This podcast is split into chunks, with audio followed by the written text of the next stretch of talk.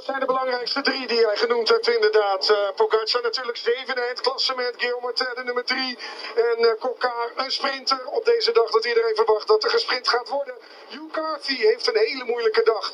Het Britse talent van uh, de Amerikaanse IF-ploeg. Want die werd er net gewoon op het vlakke gelost in de straten van Rochefort. Nadat we dus bij het binnenrijden van die stad die valpartij hadden gehad. Ik ben Peter Winnen en je luistert naar de Velefilie Podcast.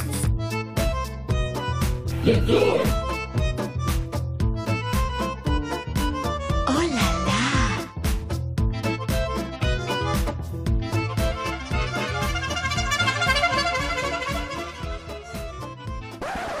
Goedenavond, beste wielenvrienden. Welkom bij weer een nieuwe Velefilie Podcast Tourflits nabeschouwing.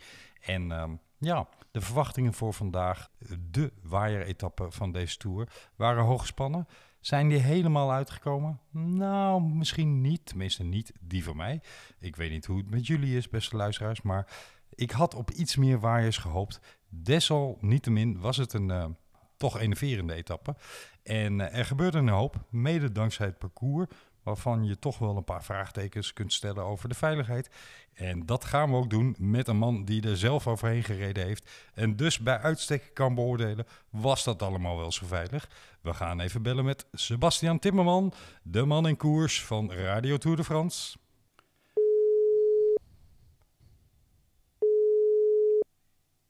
Goedenavond Sebastian Timmerman. Ja, hallo, goedenavond. hi, met Camille Rekman, Vele podcast. Hey, hallo Camille. Welkom in de Velevolie podcast Tourflits nabeschouwing, waarin we terugblikken op uh, de hectiek van de etappe van vandaag. Hoe is het met je? Ja, het, uh, het gaat goed. Het gaat goed. Het, uh, ja, de etappes vliegen voorbij. We zitten morgen alweer op de helft. We hebben dus net de tiende etappe gehad. We zitten nog steeds aan de kust. Dit was de etappe naar Ile de Ré. En nou ja, we zitten qua etappes dus bijna op de helft. Qua kilometers ook ja, de, de ritten vliegen om. En het is uh, tot nu toe een, uh, ja, wel een leuke afwisselende tour. En er gebeuren, er gebeuren genoeg zaken. Ja. Een vraag die mij te binnen schoot vanmorgen toen ik het nieuws las. Wanneer heb jij Predom voor het laatst gesproken? gesproken, denk ik, vorig jaar. Oké. Okay. Nee, dat is niet iemand die dagelijks naar mij toe komt om te vragen hoe het met me gaat. Nee, nee die, die, die is zo druk altijd met zijn gasten en dergelijke dat ik die bijna nooit spreek hoogstens een keer een begroeting in het passeren in het VIP-dorp. Maar ik was vanochtend inderdaad in, in afwachting van nou ja, een officieel statement van de ASO over de uitslag van de testen. Ja. Want het was een beetje een rare situatie. Dat, dat zou dus inderdaad rond 9 uur komen. En op een gegeven moment was het nou, half tien, tien uur, half elf. En er was nog niks bekend. Dus ik uh, liep in het VIP-dorp en ik wilde inderdaad eigenlijk eens eraan informeren bij, de, bij de stand van de ASO waar ze de gast ook ontvangen en waar Prudon dus ook altijd rondloopt. Of er nog een officiële, ja, een officiële persmoment, een communiqué zou komen ja. bij hun vandaan. En ja, dat, dat, dat hoefde dus eigenlijk al geen eens. Want op een gegeven moment kwam dus het bericht binnen dat, uh, nou, dat Christian Prudhomme zelf positief heeft getest. Dus dat verklaarde ook wel het feit dat het zo lang duurde voordat de ASO überhaupt met een, uh, met een communiqué naar buiten kwam. Die hadden wel even wat anders aan hun hoofd. Ja, precies. Het is wel bizar nieuws. Hè? 600 mensen getest, vier mensen uit functie uh, rondom de ploegen en de koersdirecteur. Ja. Ja, klopt ja. Ja, nee, dat, dat is inderdaad uh, ja, heel, heel bizar. Dat, Ja. Is, dat, is, ja, dat is heel... Uit- Uitgerekend een man die, die maandenlang inderdaad heeft eh, nou ja, gepleit en geroepen en het ook voor elkaar heeft gekregen, dit evenement gaat door. Eh, de, de, de herstart, de, de, het evenement van de hoop, laten zien dat het kan. Ja, en, en uitgerekend inderdaad, eh, de baas zelf eh, wordt positief getest. Hij heeft geen klachten, begreep ik trouwens. Nee. Eh, Maar goed, hij blijft een, eh, een week in zijn hotel achter in La Rochelle. En dan eh, zal hij, als het goed is, volgende week in de etappe naar Villard de Lans, zal hij weer ja, acte de présence gaan geven. Maar dat ja, het, het was een rare sfeer daardoor vanochtend inderdaad bij de start. Ik denk niet dat Predom zelf in een campanile of zo zit. Dus eh, dat zal vast geen straf voor hem zijn. Nou, ik, ik, ik ben hem wel eens tegengekomen bij het buffet van een Ibis hotel. Oh jee. Nou is Ibis geen campanile, Nee. maar dat is, het is ook geen château. Nee. Laten we het daarop houden. Nee. En eh, nee, maar ik, het was een paar jaar geleden, toen sliepen wij in een Ibis. En eh, ik stond 's ochtends bij het ontbijtbuffet. En toen stond hij eh, naast mij keurig netjes een, eh, een bordje te maken met wat eh, croissantjes en eh, een baguetje. Dus nee, hoor, hij slaapt ook regelmatig in de wat gewone hotels, volgens mij. Oké. Om het goede voorbeeld te geven, zeg maar. Ja.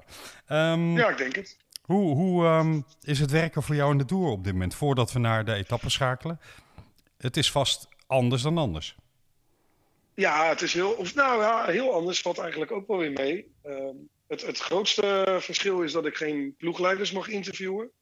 En dat, eh, nou ja, dat is altijd wel een leuke manier van eh, informatie verzamelen. Ja.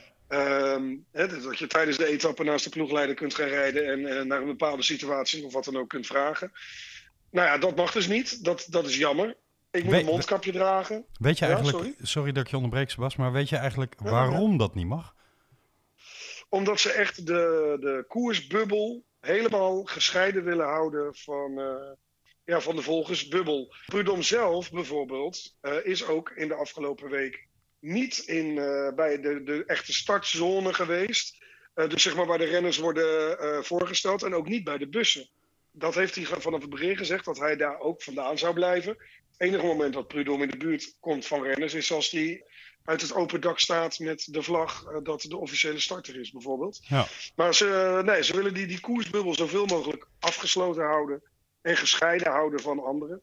Eh, en dat is dus ook de reden dat ik eh, niet tijdens de wedstrijd met, eh, met ploegleiders kan praten of mag interviewen.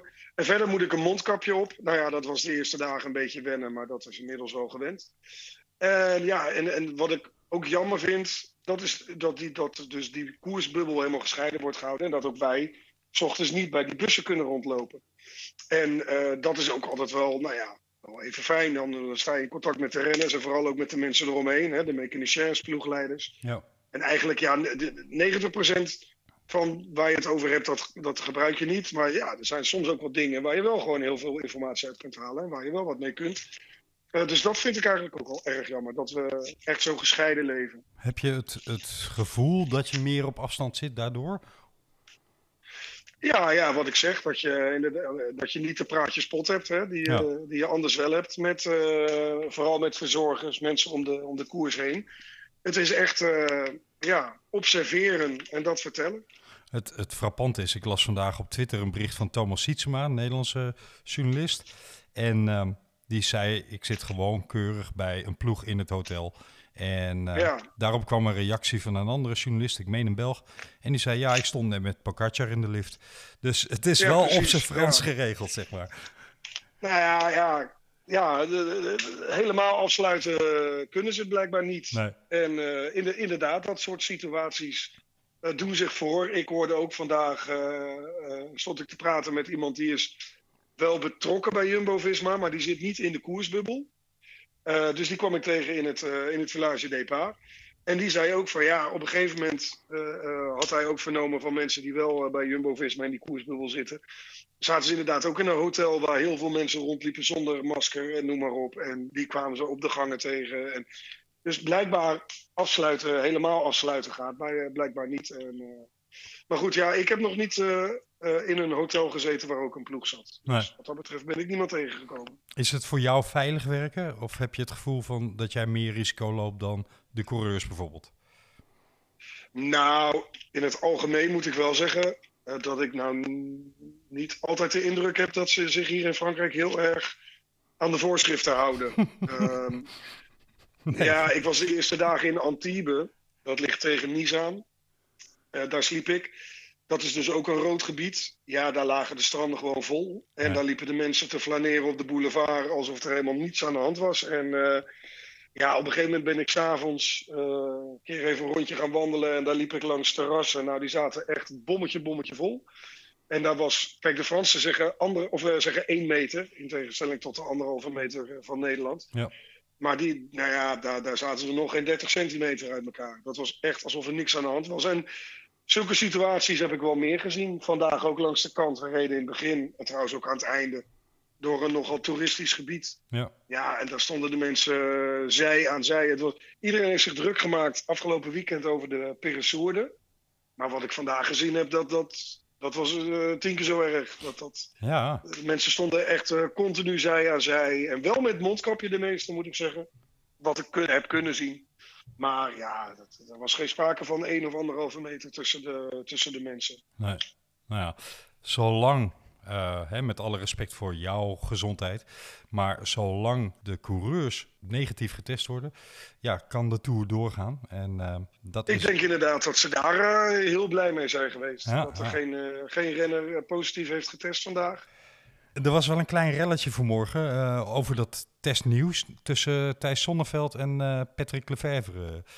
Ik weet niet of je Ja, dat meegekregen nou ja. hebt, maar Ja, daar heb ik wel iets over gehoord. Ja, nou ja. ja, ja. Kijk, dat heeft, ook, dat heeft er ook mee te maken dat de ASO zo lang eh, niks van zich heeft laten horen. ja, Ja, dan gaan mensen zelf speuren en spitten. En eh, dan, dan worden er eh, nou ja, snel eh, zaken op Twitter gegooid. En ja, dan krijg je dit soort zaken, dan krijg je dat soort dingen. ja precies. Overigens vond ik persoonlijk dat Patrick Lefevre weer te snel uit de heup schoot. Want hij had het over vals nieuws, terwijl Thijs Sonneveld toch echt wel had gerept van een mogelijke hertest. Dus ja, Ja, ik heb die tweet niet gezien, dus daar kan ik niet over oordelen. Nou, dit, dit was de inhoud van de tweet ongeveer, maar ik vond het vermakelijk om te lezen. Over tot de koers van vandaag. Was jij van tevoren net zo gespand op eh waaiers als dat iedereen het was? Of had jij al in de smies... Nou, niet, niet toen ik het weerbericht zag. Nee. Het waaide eigenlijk nog wel harder, moet ik zeggen, dan dat ik had gedacht. Maar eh, nee, ik had de, de, de weer-apps en vooral eh, de, de, de apps die je hebt waar je ook de windrichting en de windkracht en zo heel mooi kunt zien. Ja. Met bewegende pijltjes had ik in de gaten gehouden. Dus ik had al wel gezien dat het eigenlijk lange tijd van de dag eh, niet zo heel hard zou waaien. Wel dat de wind zou toenemen. Ehm, dat ze het probeerden eigenlijk al vrij vroeg bij Quickstep, bij de Koning Quickstep. Dat verbaasde me nog wel enigszins. Ehm, nou ja, je zag ook dat het, die weg was eigenlijk te kort om het echt definitief te toen laten, laten breken. En daar, het tweede peloton kwam eh, op een gegeven moment ook weer terug. Daarna hebben we een heel lang stuk gehad met tegenwind. Ik had wel gedacht dat er nog een ploeg zou zijn die echt op die brug vol zou doortrekken. Alleen op die brug, eh, volgens de, de, die, die apps, zou de wind daar echt, echt haaks op het parcours staan. Ja. Maar dat stond er niet. Hij kwam rechts van voren eigenlijk. Dus ja, dan, dan is, dat, eh, is dat niet te doen. Ik las ook net dat dat de reden was waarom Kees Bol in de sprint eraf wapperde. Want ehm, die kon het wiel van eh, zijn trein niet houden. Kwam in het Oké, ja, gedrang. ik heb de sprint ook nog niet gezien. Die moet ik nog terugkijken. Ja, Sunweb eh, zat er, eh, nou ja, zeg tot anderhalf kilometer eh, goed bij. Goed gegroepeerd. Maar op pak een beetje 700, 800 meter wil ik vanaf zijn hoor. Maar van de meet namen ze de kop. En eigenlijk aan de verkeerde kant van de weg. En toen stuurden ze ook tegen, naar de wind toe, zeg maar. Waardoor Bol dus in het laatste wiel in de wind kwam te, zitten. Ja, dat is wel een klassiek Ja. foutje. En toen heeft hij een ander wiel moeten kiezen en daardoor min of meer kansloos. Hoe vond jij eh, de etappe van vandaag, eh Sebas? En dan denk ik met name ook even over eh, het aspect veiligheid. We hebben enorm veel valpartijen gezien. Ja, de, de, nou, enorm veel weet ik niet. Maar de, de, ja, er wa- waren wel een paar momenten inderdaad met valpartijen. Drie die me zo weer eh 1, 2, 3 gelijk te binnen schieten. Ja. Die, die massale valpartij toen het op de kant ging. Ja, ik Waar overdreef Robert iets. eh. Geesink ook bij lag. Ja. Daar nou ja, was Nicholas Rhodes ook een van de slachtoffers. En uh, Skujins, de led. Daarna die val waar ik niet de indruk had dat Pogacar heel erg zwaar gehavend is geweest. De nummer 7 van het klassement. En Guillaume Martin, de nummer 3, die kwam ook uiteindelijk weer terug. Ja. En toen nog een kleine val aan het einde. Ja, het was wel een heel eh, gevaarlijk parcours hoor vandaag. Moet ik Ja, zeggen. Met veel smalle wegen. En heel erg veel draaien en keren door dorpjes. Met heel veel verkeersbelemmerende maatregelen. Ja, dat, dat ga je soms niet uit de weg. Maar het was vandaag inderdaad wel heel. eh, en op een gegeven moment ook echt een heel smal pad. Waar nou ja, dan uiteindelijk niks gebeurd is. Maar daar, daar konden wij met moeite naast een ploegleider eh, rijden. Dus nee, dat was wel, het was wel echt een hele gevaarlijke etappe wat dat betreft. En ik denk dat de wegen morgen zo weer landinwaarts gaan naar Poitiers. Dat dan de wegen weer wat breder eh, zullen zijn. Ik zat afwisselend naar Radio Tour te luisteren. En, ehm, maar ik was vandaag voor mijn werk ook veel onderweg. En daar heb ik afwisselend eh, Eurosport en eh, Michel en José eh, beluisterd. En eigenlijk was iedereen het erover eens van ja, dit is echt puur commerciële redenen om een dergelijk parcours uit te tekenen. Want je kunt ook met veel grotere, bredere wegen naar eh, dat eiland toe Ja. komen. Ja, het is, het is, het is, een- het is toch weer Nou een ja, beetje die, oude die, weg. die, die, die weg naar het eiland toe, die was uiteindelijk wel hartstikke breed. Ja, Maar dat, het was inderdaad vooral op een gegeven moment die weg, zeg maar, die we reden parallel aan de kust van Zuid naar Noord. dat campingweggetje. En ja, dan, dan, ja, ja, daar lag een hele grote eh, vierbaans autoweg naast. Ja. Ja, en of ze daar nou niet de vergunning voor hebben gehad, eh, eh, dat ze daar niet de vergunning voor hebben gehad, of ik weet het niet. Ik, ik weet niet wat daar de reden van is geweest. Het is overigens weer een eh, buitengewoon genoegen en plezier om naar Radio Tour te luisteren. En zeker ook om jou daarin te horen. Ik, ik kan eigenlijk, want ik heb er vandaag eens extra goed op gelet. Ik kan eigenlijk niet horen of je nou een mondkapje op hebt of niet.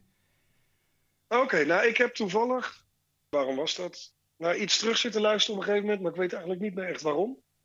Maar eh, toen kon ik het wel een beetje horen, ja. Ik denk dat ik iets doffer, doffer klink dan normaal, zeg maar. Nou, Maar, zoals je het nu eh, voordoet, eh, hoor ik het niet.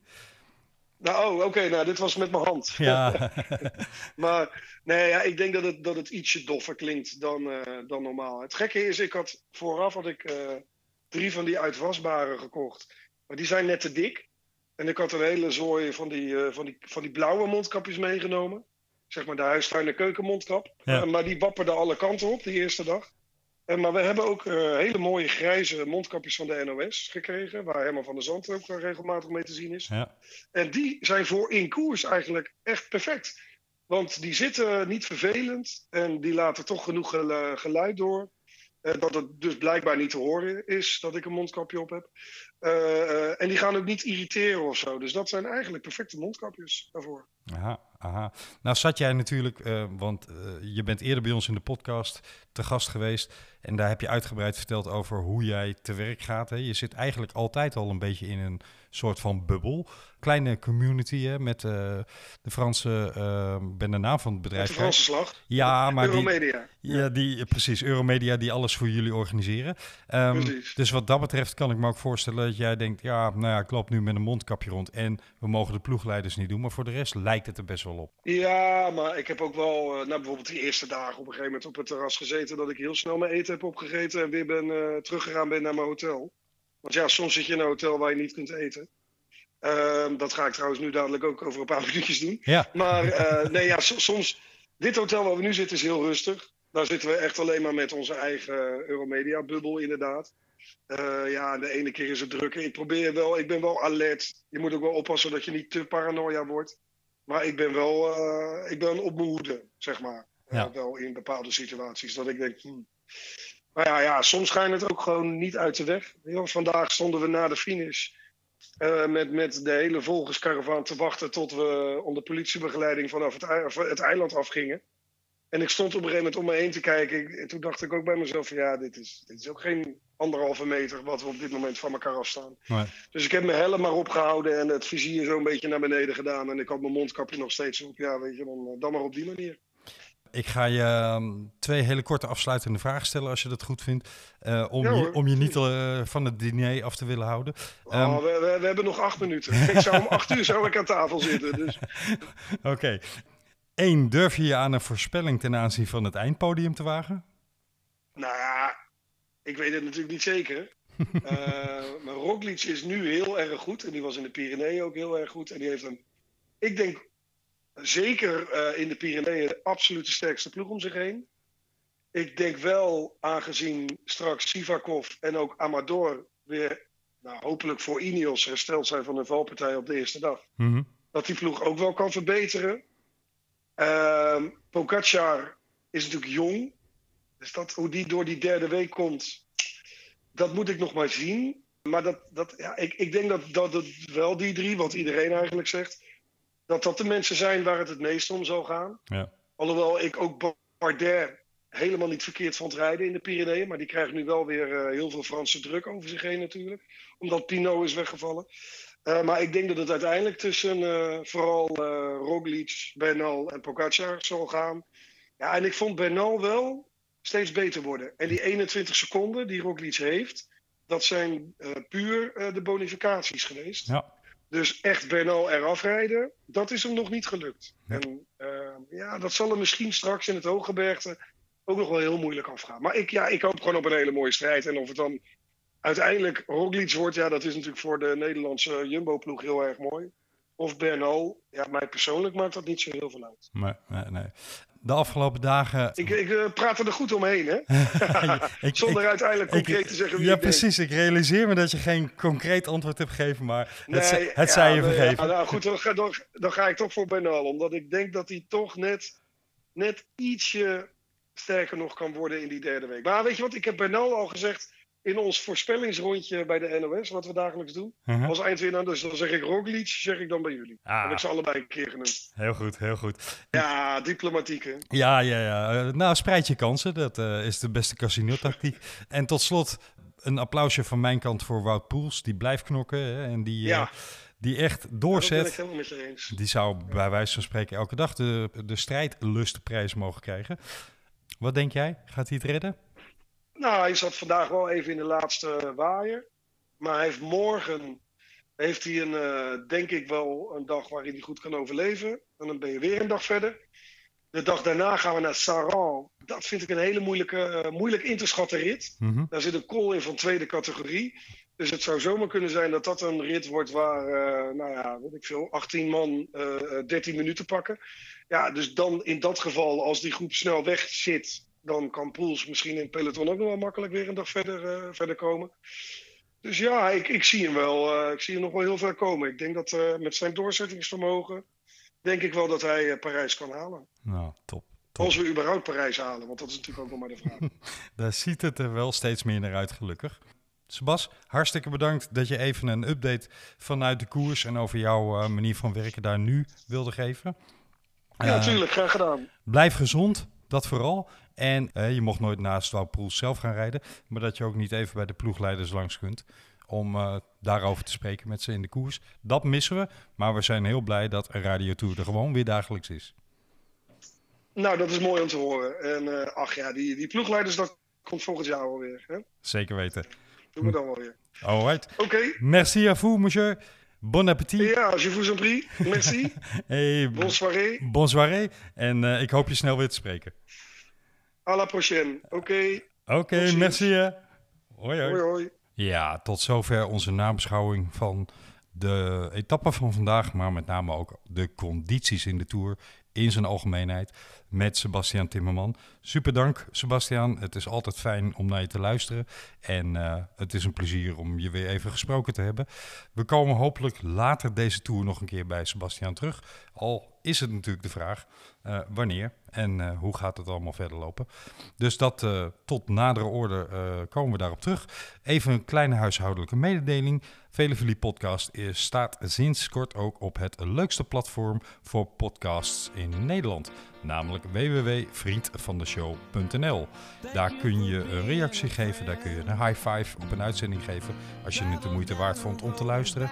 En daar kun je, als je echt enthousiast over onze show bent, zelfs een donatie doen waarmee je ons steunt, zodat we nog meer mooie content kunnen maken. En eh, ja, we hopen van harte dat jullie dat willen doen. Want daarmee kunnen wij eh, deze podcast tot eh, de next level brengen. Althans, dat is de bedoeling. Wij vonden het in ieder geval weer een genoegen om deze uitzending te maken. We zijn er morgen even niet. Tenzij er morgen iets gebeurt waarvan iedereen denkt, oeh, ingelaste uitzending. Maar de planning is nu om donderdag weer eh, aan een nieuwe aflevering te beginnen. En we hopen dat jullie allemaal weer luisteren. Dus graag tot donderdag. We hebben dan weer een mooie gast, maar die kunnen we pas donderdag bekendmaken. We hebben er zin in. Tot dan!